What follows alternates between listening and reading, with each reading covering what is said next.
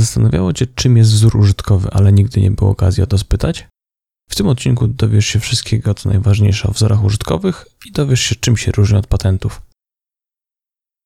Nazywam się Oskar Ginko, jestem polskim i europejskim rzecznikiem patentowym, a to jest IP dla Twojego biznesu. Podcast o własności intelektualnej i korzyściach, jakie możesz z niej mieć. Jeśli chcesz zmonopolizować rynek albo spokojnie prowadzić swoją działalność, to koniecznie słuchaj dalej.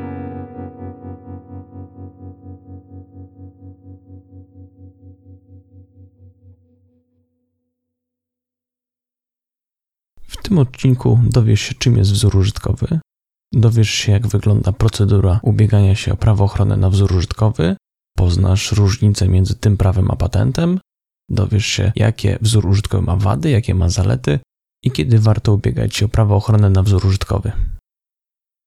Wzór użytkowy, a w zasadzie prawo ochrony na wzór użytkowy, można powiedzieć, że to jest taki mniejszy patent mniejszy, jeśli patrzymy na czas monopolu, który zapewnia, ale też mniejszy, jeśli mówimy o zakresie rozwiązań, którymi można w ten sposób chronić.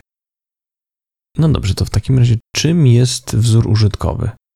Wzorem użytkowym jest nowe i nadające się do przemysłowego zastosowania rozwiązanie o charakterze technicznym, dotyczące kształtu lub budowy przedmiotu o trwałej postaci albo przedmiotu składającego się ze związanych sobą funkcjonalnie części o trwałej postaci. Już początek definicji ujawnia nam największą zaletę wzoru użytkowego, mianowicie musi być nowe i nadawać się do przemysłowego stosowania. W odróżnieniu od patentu nie musi cechować się poziomem wynalazczym, który często jest dużo trudniejszy do wykazania. Stąd właśnie brak wymogu poziomu wynalazczego sprawia, że prawo ochronne na wzór użytkowy jest stosunkowo proste do uzyskania.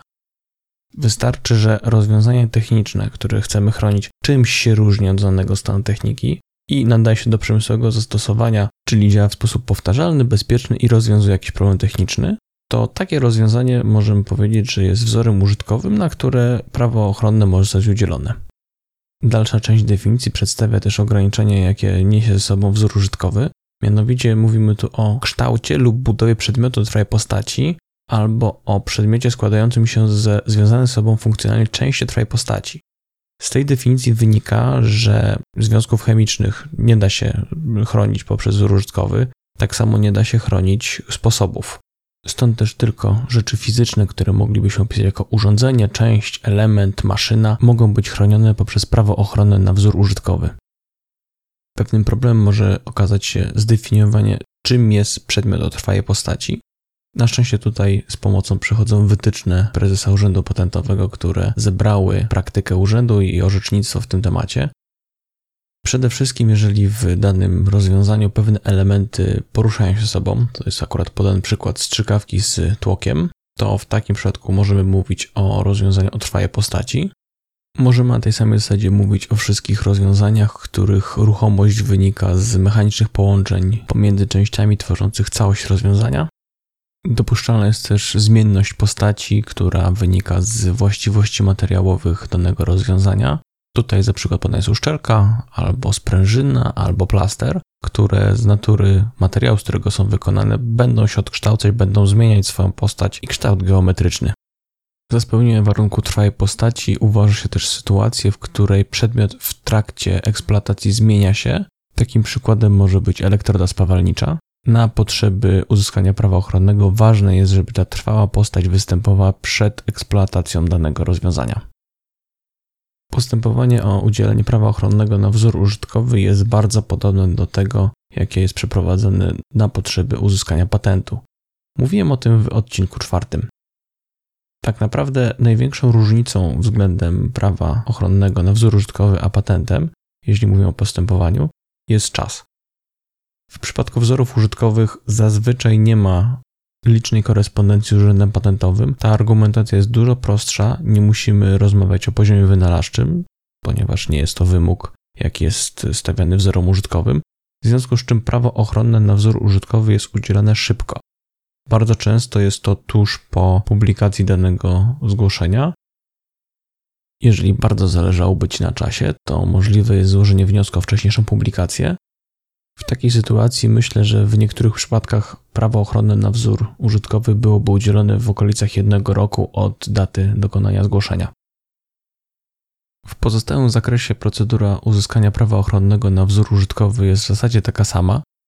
Największą różnicą praktyczną jest to, że po uzyskaniu prawa ochronnego opłaty wnoszone są za kolejne okresy, to są dwu-trzyletnie okresy, a nie jak w przypadku patentu, gdzie po trzecim roku płaci się za każdy rok osobno.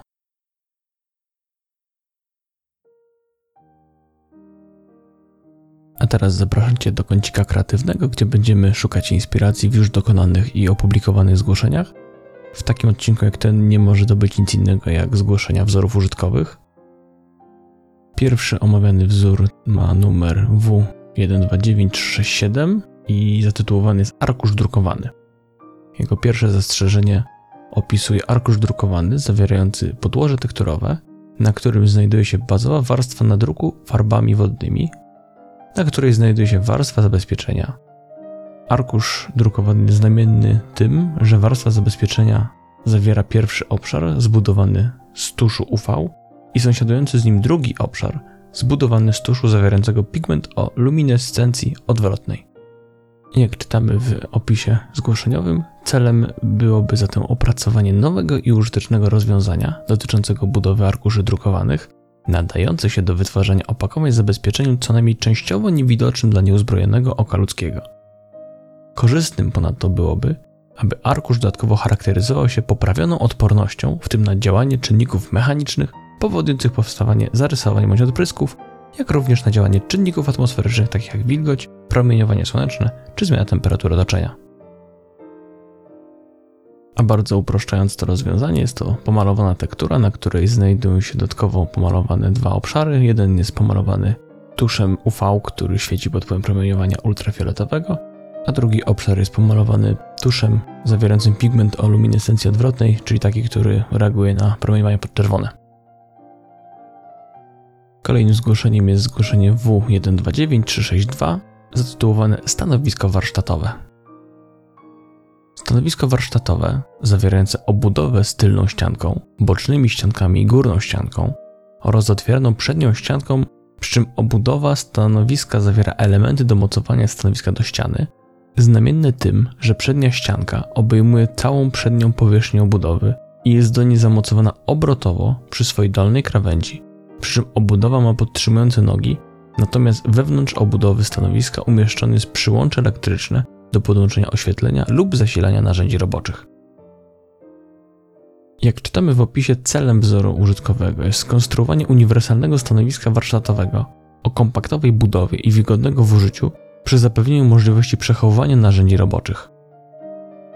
W dużym uproszczeniu jest to prostopadłością z otwierającą się przednią ścianą.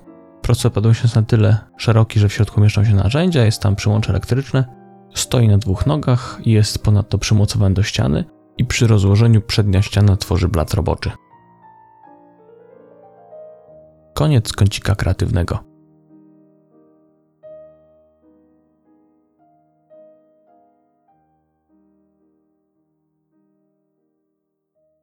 W Twojej głowie mogło pojawić się pytanie: no dobrze, skoro ten wzór użytkowy jest taki łatwy do ochrony, tak łatwo uzyskać prawo ochrony na ten wzór, to jakie wzór użytkowy ma wady?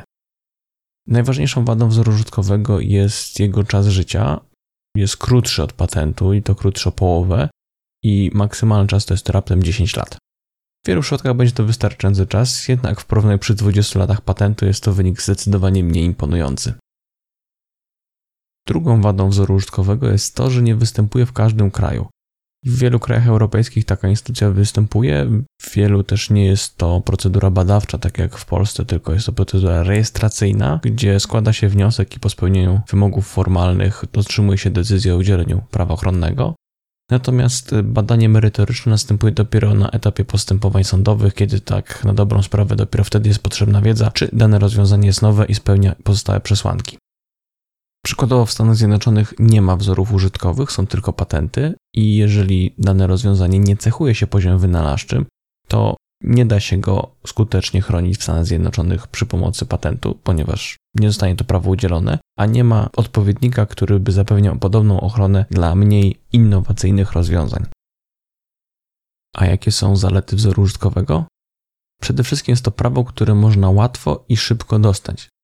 Przynajmniej względnie łatwo, jeśli porównamy całą procedurę z procedurą uzyskania patentu. Jeżeli na potrzeby różnych dotacji, czy po prostu potrzebujesz z innego powodu mieć czysty raport z badania, w którym są same litery A, to ubieganie się o prawo ochronne na wzór użytkowy jest najprostszym sposobem, żeby z urzędu taki czysty raport dostać. Kolejną niedocenianą zaletą wzorów użytkowych jest to, że bardzo trudno je unieważnić. Przesłanka braku przemysłowej stosowalności jest bardzo rzadko samodzielną podstawą unieważnienia, zaś wykazanie braku nowości występuje zazwyczaj wtedy, kiedy uprawniony sam przed zgłoszeniem w urzędzie opublikował to rozwiązanie. Czy to na własnej stronie, czy na targach, czy wrzucił zdjęcia do internetu, czy po prostu nie pilnował tego i ktoś w jego warsztacie to zauważył. Z racji braku przesłanki poziomu wynalazczego nie można tak swobodnie interpretować oczywistości i ujawnienia jak w przypadku patentów. Stąd też, jeżeli samodzielnie nie ujawnisz swojego rozwiązania, bardzo trudno będzie konkurentowi pozbyć się z obrotu tego prawa wyłącznego. Na marginesie należy zaznaczyć, że mając prawo ochronne na wzór użytkowy, możesz konkurentowi zabronić dokładnie tego samego, co można zabronić przy pomocy patentu. Z punktu widzenia postępowania sądowego naruszenie te oba prawa, to jest prawo ochronne na wzór użytkowy i patent, są w zasadzie równoznaczne z praktycznego punktu widzenia. A czym się różni dokumentacja zgłoszeniowa opisująca wzór użytkowy od tej opisującej wynalazek? Różnice są subtelne. Pierwsza, która może być zauważona, to jest to, że zastrzeżenia nie są zastrzeżeniami patentowymi, tylko zastrzeżeniami ochronnymi. Kolejną różnicą jest to, że przy wzorach użytkowych musi być rysunek, zaś przy wynalazkach ten rysunek być może dołączony do dokumentacji zgłoszeniowej. Ostatnią różnicą praktyczną jest to, że w zgłoszeniu patentowym możemy zastrzegać kilka rozwiązań połączonych wspólną ideą wynalazczą, natomiast w przypadku wzorów użytkowych może to być tylko jedno rozwiązanie na zgłoszenie.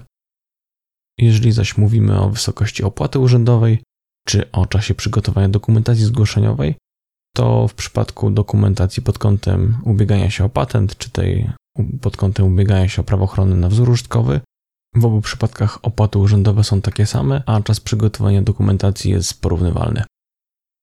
Warto jest też powiedzieć, że zgłoszony wzór użytkowy także tworzy pierwszeństwo, jak ma to miejsce w przypadku zgłoszeń patentowych, które w ciągu 12 miesięcy możemy wykorzystać i powołać się na nie przy dokonaniu zgłoszeń, czy to w postępowaniu międzynarodowym, czy przed Urzędem Europejskim, czy w jakimś innym kraju. Warto jest też powiedzieć, że zgłoszenie patentowe może powoływać się na pierwszeństwo z wzoru użytkowego. Tak samo zgłoszenie wzoru użytkowego może powołać na pierwszeństwo z patentu. A kiedy warto ubiegać się o prawo ochronne na wzór użytkowy? Najważniejszym powodem jest pewność tego, że nie uda nam się wykazać poziomu wynalazczego, w związku z czym czas ubiegania się o patent będzie czasem straconym. Ważnym argumentem jest też chęć szybkiego otrzymania decyzji o udzieleniu prawa ochronnego, a także warto rozważyć prawo ochronne na wzór użytkowy wtedy, kiedy potrzebujemy z jakiegoś powodu otrzymać z urzędu czysty raport z badania stanu techniki. W przypadku rozwiązania, dla którego nie było wykonane badanie stanu techniki i nie można ocenić poziomu wynalazczego, zalecałbym dokonanie zgłoszenia patentowego. W przypadku, gdy Urząd Patentowy uzna, że dane rozwiązanie nie cechuje się poziomem wynalazczym, zawsze możliwa jest konwersja zgłoszenia na zgłoszenie wzoru użytkowego, dzięki czemu ta przesłanka przestaje być problematyczna, a prawo zostanie udzielone. Jest to rozwiązanie dłuższe, odrobinę droższe, natomiast istnieje szansa, że uda się uzyskać prawo o dłuższym czasie trwania, a jeżeli się nie uda, to zawsze jesteśmy w stanie uzyskać to krótsze. Natomiast idąc od razu w stronę prawa ochronnego na wzór użytkowy, nie będziemy mieli możliwości ewentualnego ubiegania się o patent. Wzór użytkowy jest prawem, które trwa maksymalnie 10 lat. W ten sposób chronione mogą być rozwiązania w zasadzie takie same jak dla patentu, z pewnymi ograniczeniami, to jest nie można chronić sposobów ani rozwiązań nieokreślonych przestrzennie. Zakres ochrony jest taki sam jak w przypadku patentu, tak samo procedura jest w zasadzie taka sama. Bardzo podobna jest też dokumentacja z pewnymi drobnymi różnicami, a mianowicie musi być w takim zgłoszeniu tylko jedno rozwiązanie, no i koniecznie musi być rysunek. I jest to prawo, które szalenie trudno unieważnić, także postępowanie sporne nie będzie ci straszne. Zapraszam Cię do odwiedzenia mojego fanpage'a na Facebooku, nazywa się Znamienne Tymże. Jeżeli masz jakieś pytania, czy chciałbyś porozmawiać o wzorach użytkowych, albo masz sugestie odcinka, który mógłbym nagrać, to napisz do mnie albo na Facebooku, albo na LinkedInie. Ja nazywam się Oskar Ginko, jestem polskim i europejskim rzecznikiem patentowym, a to był podcast IP dla Twojego biznesu. Wszystkiego kreatywnego, do usłyszenia.